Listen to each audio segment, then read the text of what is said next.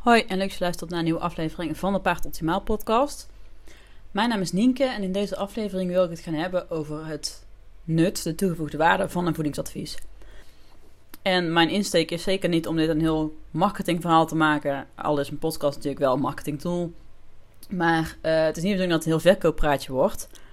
Maar um, ik denk dat het voedingsadvies gewoon wel een beetje zoiets is dat um, ik ook mijn eigen markt daarin moet creëren. En nu is het natuurlijk wel een beetje, als je naar mijn podcast luistert, dan ken je mij al. Dus dan weet je waarschijnlijk al wel wat ik doe. Uh, maar ja, uh, er zijn ook mensen die op een andere manier op deze podcast terecht kunnen komen. En wie weet luister je deze podcast pas over twee jaar. Waar ik, nou ja, misschien ben ik nog wel hele andere dingen aan het doen. Trouwens, misschien is dat niet echt relevant is.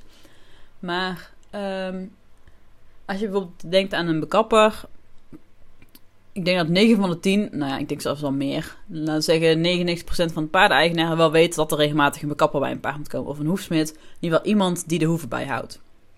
En dan maakt het dus ineens wel uit of, of het traditioneel of, of natuurlijk is, of hoe vaak het gebeurt. Maar de meeste mensen weten dan gewoon dat dat gebeurt, dat het nodig is.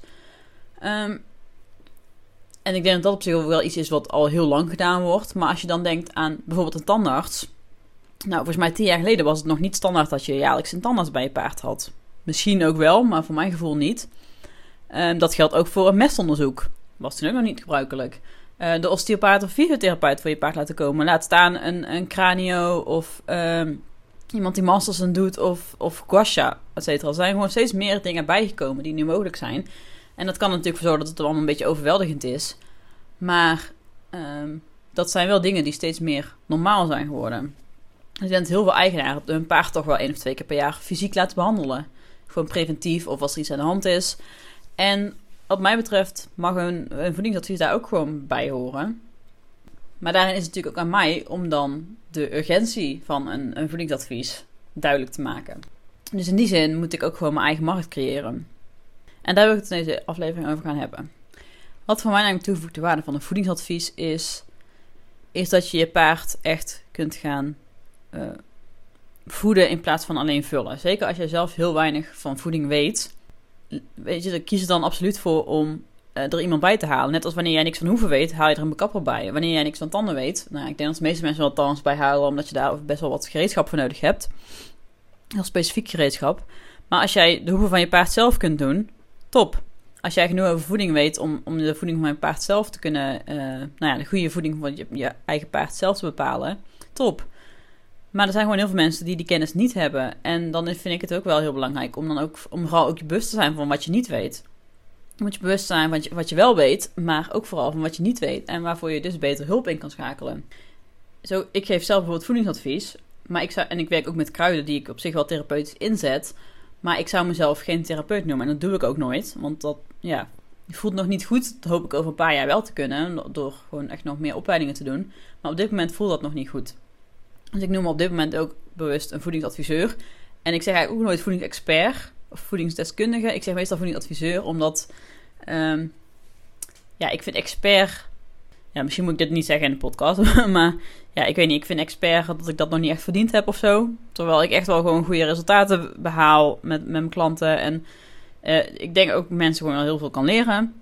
Maar expert, die resoneert nog niet helemaal met mij. En andere mensen doen het soms wel. Dus uh, ja, dat zegt natuurlijk ook. Die zien me blijkbaar wel zo. Maar ik, ik probeer zelf echt voedingsadviseur te gebruiken. Ja, nou misschien soms deskundige, maar expert gebruik ik eigenlijk nooit. Omdat dat voor mij echt een soort van impliceert dat je gewoon echt de beste in je vak bent of zo. En dat. Eh, um, ik ben misschien wel het beste in wat ik specifiek doe. Want ik denk dat er weinig mensen zijn die echt specifiek doen wat ik doe. Maar um, ja, dat voelt voor mij gewoon niet zo goed. Maar goed, ik, nu wijd ik uit aan iets wat eigenlijk helemaal niet zo relevant is. Hoe kwam ik hier ook alweer op? Nou ja, dus ik, ik weet inmiddels weet ik heel veel over voeding. Maar er zijn ook een hoop dingen. Oh ja, ik weet wat ik wil vertellen. Ik weet uh, over specifiek stuk voeding weet ik heel veel. Maar wat ik al zei, ik noem mezelf geen therapeut. En voor mijn eigen paard komt dan ook gewoon nog steeds regelmatig een uh, natuurgeneeskundige om hem echt therapeutisch te ondersteunen. Om, zij werkt met name met homeopathie. Ja, daar heb ik gewoon totaal geen kaas van gegeten. En dat wil ik ook nog heel graag leren. Maar dat heb ik gewoon nog niet gedaan. Want uh, ja, je kunt maar zoveel dingen tegelijk leren. Dus daarin kies ik er, weet ik wat ik niet weet en kies ik dus voor extra ondersteuning om mijn eigen paard zo goed mogelijk te helpen.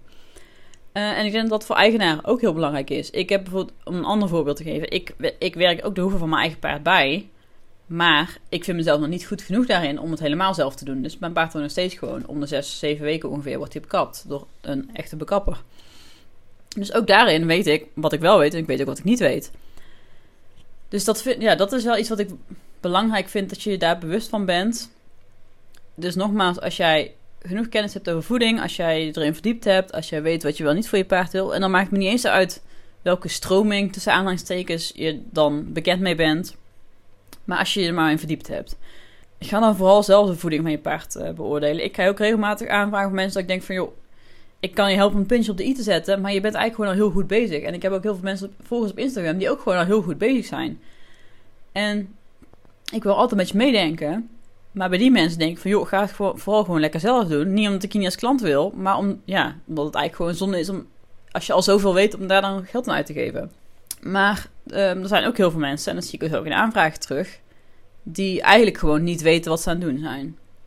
Of die ergens gelezen hebben van, oh, dit voer zou goed zijn, dit voer, bijvoorbeeld deze balancer is gezonder dan dit en dit.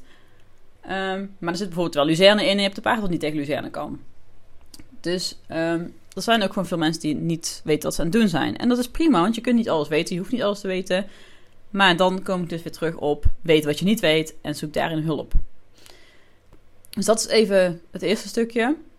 Um, dat belangrijk is om dus vooral ook te weten, jezelf daar niet te overschatten. En gewoon te weten waar je wel niet genoeg van weet. Um, want voeding is gewoon een heel belangrijk aspect van de gezondheid van je paard. En voeding kan je paard echt maken of breken. En heel veel gezondheidsproblemen zijn terug te leiden tot de voeding. En dat kan op dit moment zijn, dat kan het verleden zijn, dat kan de, voeding van Mary zijn, van de moeder. Ja, daar kun je nu natuurlijk niet meer zoveel aan doen. Maar voeding is gewoon echt een onmisbaar onderdeel in de gezondheid van je paard. Dus als jouw paard een blessure heeft of zo, dan kun je nog zo vaak dierarts laten komen en, en pijnstillers geven, medicatie geven. Maar als de basis niet klopt, dan krijgt jouw paard niet de juiste voedingsstoffen binnen. En dan gaat ze ook ten koste van het herstel van die blessure. Of uh, in die zin, die blessure zou mogelijk sneller kunnen herstellen als je paard de juiste voedingsstoffen binnenkrijgt. En in ieder geval niet voedingsstoffen die een belasting voor het lichaam zijn. Dus voor mij is, is de juiste voeding is echt gewoon onlosmakelijk van het hebben van een gezond paard. Met ongezonde voeding. Ik wil niet zeggen dat je geen gezond paard kunt hebben. Maar mijn ervaring is wel dat ongezonde voeding echt wel een flinke aanslag kan zijn op het lichaam van je paard. En dat is aandoeningen als hoevenvangenheid, jeuk, zomerexeem, EMS, insulineresistentie, uh, nou ja, gewoon zwakke botten, slechte hoeven, uh, koliekgevoeligheid, slechte mest, KPU. Die kunnen allemaal een oorsprong vinden in, in voeding. En aandoeningen als PPID of PMS, niet PMS, dat, dat is iets anders. PSSM hebben ook gewoon een hele.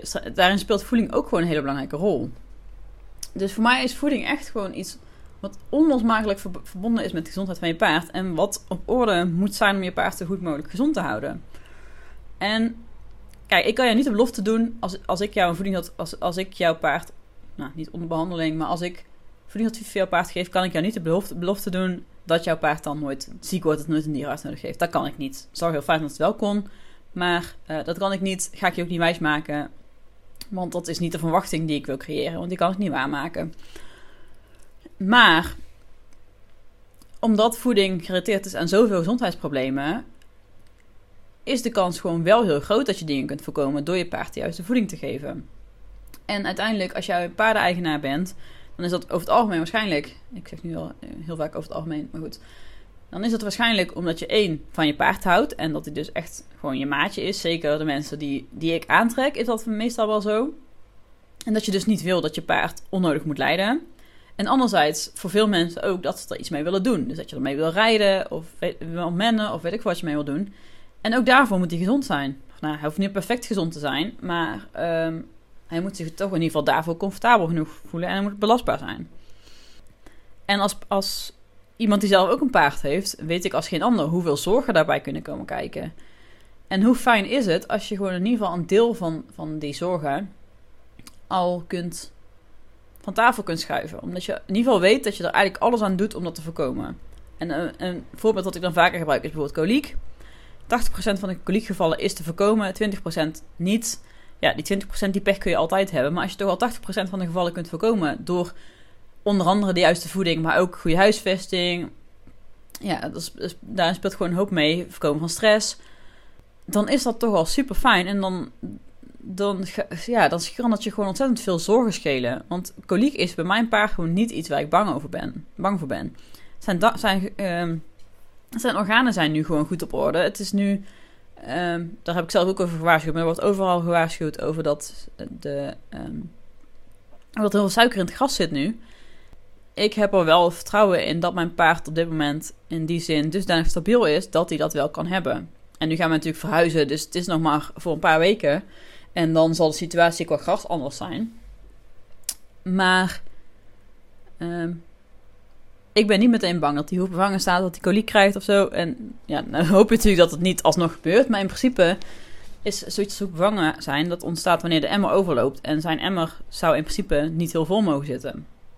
En het is niet, dat wil niet zeggen dat mijn paard perfect gezond is, want ook hij heeft zijn, heeft zijn dingen. En in eerste instantie, hij bij mij kwam, waren dat vooral spijsverteringsproblemen. En nu is het eigenlijk vooral bewegingsapparaat, vooral artrose. Maar ja, over zijn spijsvertering maak ik me dus niet zoveel zorgen, maar ik gewoon weet dat hij op orde is. En dat geeft al veel rust. En ik, ik maak me nog steeds heel veel zorgen over die artrose. Daar kan ik me echt al echt gek mee maken. Maar er zijn ook een hoop dingen waar ik me geen zorgen over maak bij hem. En dat geeft mij wel gewoon heel veel rust. Als ik me ook nog over al die andere dingen zorgen zou maken. Ik weet dat hij mentaal stabiel is. Uh, als ik me daar ook nog druk over zou moeten maken. Ja, dan. Ik word nu al soms, soms al gek van mijn, van mijn doemgedachten. Dus laat staan als ik over al die dingen zorgen zou maken. Dus hoe fijn is het als jij gewoon met je paard op zo'n punt kunt komen dat je weet dat heel veel dingen gewoon onder controle zijn. Dat je niet alles 100% kunt uitsluiten, maar dat je de kans wel kunt minimaliseren. En dat je daar wel een hoop rust in kan vinden. Want zoals ik al zei, ik kan je niet garanderen dat je geen dierenartskosten hoeft te maken als je, als je mijn voedingsadvies aanvraagt. Maar er zijn wel een hoop dingen die je dus kunt minimaliseren. En kijk, als, als mijn paard slokdarmverstopping heeft, of als hij ineens op drie benen staat, dan laat ik hem steeds een dierenarts komen. Ook al zijn, is zijn spijsvertering op orde. Maar, um, ja, nou ja, slokdarm is natuurlijk ook wel een soort van spijsverteringsprobleem, slokdarmverstopping. Maar ik heb voor hem nog nooit een, een dure dierenartsrekening gehad voor een spijsverteringsprobleem. Dat is natuurlijk ook omdat ik daar liever een natuurgeneeskundige voor laat komen dan een dierenarts. Maar um, ja, ik heb het ook wel regelmatig als ik er wel een dierenarts laat komen, dat ik denk, goh, dat was toch niet helemaal de investering waard. Maar goed, ik heb ervoor gekozen om dierenarts te laten komen, dus dan is het, moet ik het ook gewoon betalen natuurlijk. Maar dan, uh, uh, ja, ik vind het niet altijd de moeite waard. Maar dat is een andere discussie. Uh, niet de moeite waard, geld waard. Maar goed, daar ga ik het nu verder niet over hebben. Maar uh, ik denk dat heel veel paardeneigenaren dus heel erg bekend zijn met die zorgen over je paard. En ik heb, ik heb toevallig, daar ga ik misschien nog een podcast over maken. Ik, heb net, ik ben bezig met het volgen van de uh, online cursus van Savanja Vermeulen, de Horse Inside Out. En nu heb ik helemaal, als je dan ziet, van, want daar worden dus ook beelden van dissecties gebruikt. Dus wanneer paarden ontleed worden, zeg maar. Uh, en als je dan ziet hoe, hoeveel scheurtjes en ontstekingen en beschadigingen en zo er terugkomen, dat, dat, ik echt denk van nou, ik wil niet weten wat er allemaal onder de huid, onder van mijn paard terecht uh, aanwezig is.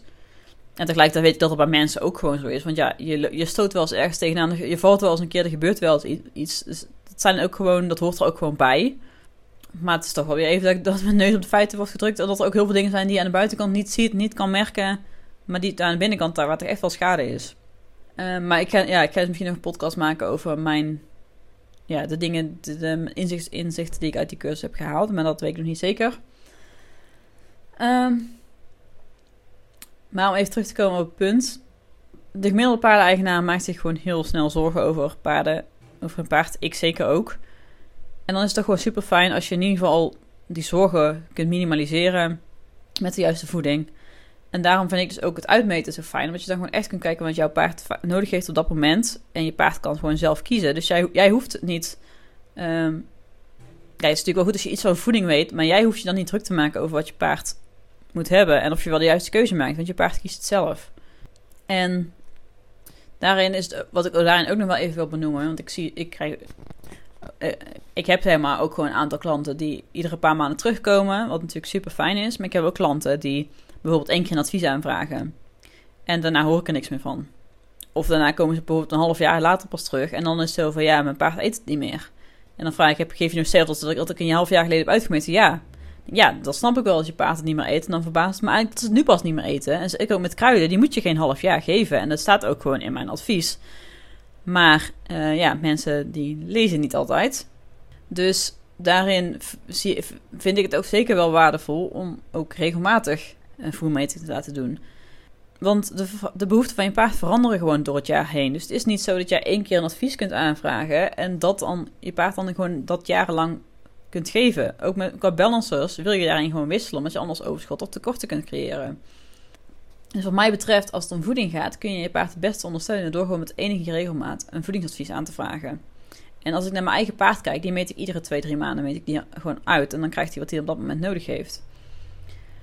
En um, nou ja, dat is natuurlijk een beetje, dat is niet voor iedereen haalbaar, dat snap ik ook.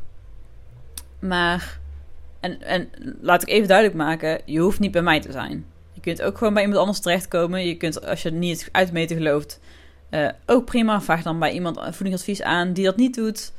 Um, iedereen heeft natuurlijk daar zijn eigen visie en daarin kun je ook gewoon kijken wie, ja, welke visie voor jou goed voelt. Maar onderschat het belang van de juiste voeding niet. Want het kan je paard echt maken of breken uh, neem ook geen genoegen met, niet, met, met slecht ruwvoer. Want ook dat kan je paard echt maken of breken. Dus ja, met deze podcast wil ik je vooral hopelijk het inzicht geven hoe belangrijk voeding is. En ook hoe ik paarden vooruit zie gaan op de juiste voeding. Als je een paar weken terug is de podcast met Kimberly online gekomen, ambassadeur. Hoeveel verschil de juiste voeding voor Marley gemaakt heeft. Terwijl zij ook nog deels van de tijd op, op voordroog en op eiken rijk gras voor haar heeft gestaan. Um, of nou ja, niet zozeer te rijk gras, maar wel veel op de wei. Terwijl dat voor mij niet, mijn eerste keuze geweest zou zijn voor haar. En toch heeft dat heel veel verschil gemaakt. En natuurlijk is het niet, niet voor alle paarden is het verschil zo groot als bij, als bij Marley. En, maar ja, het is natuurlijk wel ook zo bij Marley dat die, um, nou ja, dus gewoon iedere paar maanden uitgemeten wordt. Dus als je het consistent doet, dan ga je ook veel meer resultaat bereiken. Zeker ook met de kruiden, dan wanneer je het gewoon één keer doet en dat dan gewoon heel lang blijft geven. Dus ja, ik denk dat eigenlijk een beetje was wat ik in deze podcast wilde delen.